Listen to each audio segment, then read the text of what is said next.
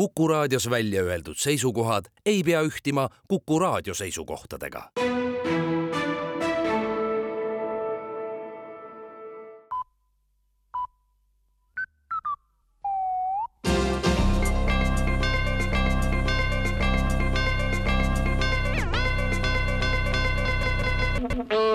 tere kuulama uudiseid stuudios Rohke Debelak riigikogu hakkab sellel nädalal arutama mitmeid tähtsaid eelnõusid, nende hulgas ka renomee hüvitise eelnõud. igapäevane elu näitab seaduseelnõu autorite sõnul, et Riigikokku tööle tulnud inimese renomee saab selle sammuga pöördumatult kahjustatud ja tema reputatsioon üldsuse silmis muutub mõne aastaga olematuks ühiskonna hoiak oma ja vabalt valitud parlamendiliikmete suhtes on selgelt sageli negatiivne ja see seab kahtluse alla Riigikogu jätkusuutlikkuse.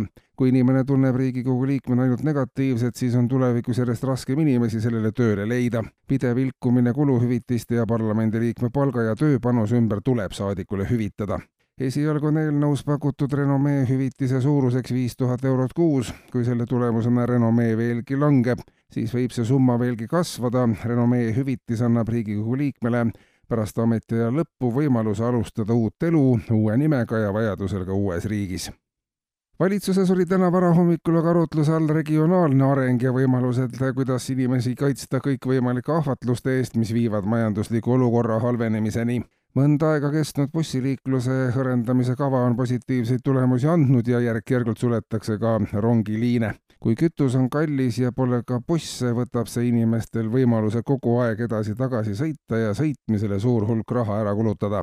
kui inimene suurematesse keskustesse laristama ei pääse, hoitakse samuti kokku suur hulk raha, mida on võimalik rakendada palju vajalikuma peale regionaalse säästu programm näeb ette ka elektri- ja sideliinide läbilõikamise, sest nende liinide kaudu kodudesse jõudvad ahvatlused ja nende realiseerimise võimalused on samuti üks ohjeldamatu kulutamise põhjustaja. kahe tuhande kolmekümnendal aastal jääb plaanide kohaselt maainimestele kogu tema raha kätte.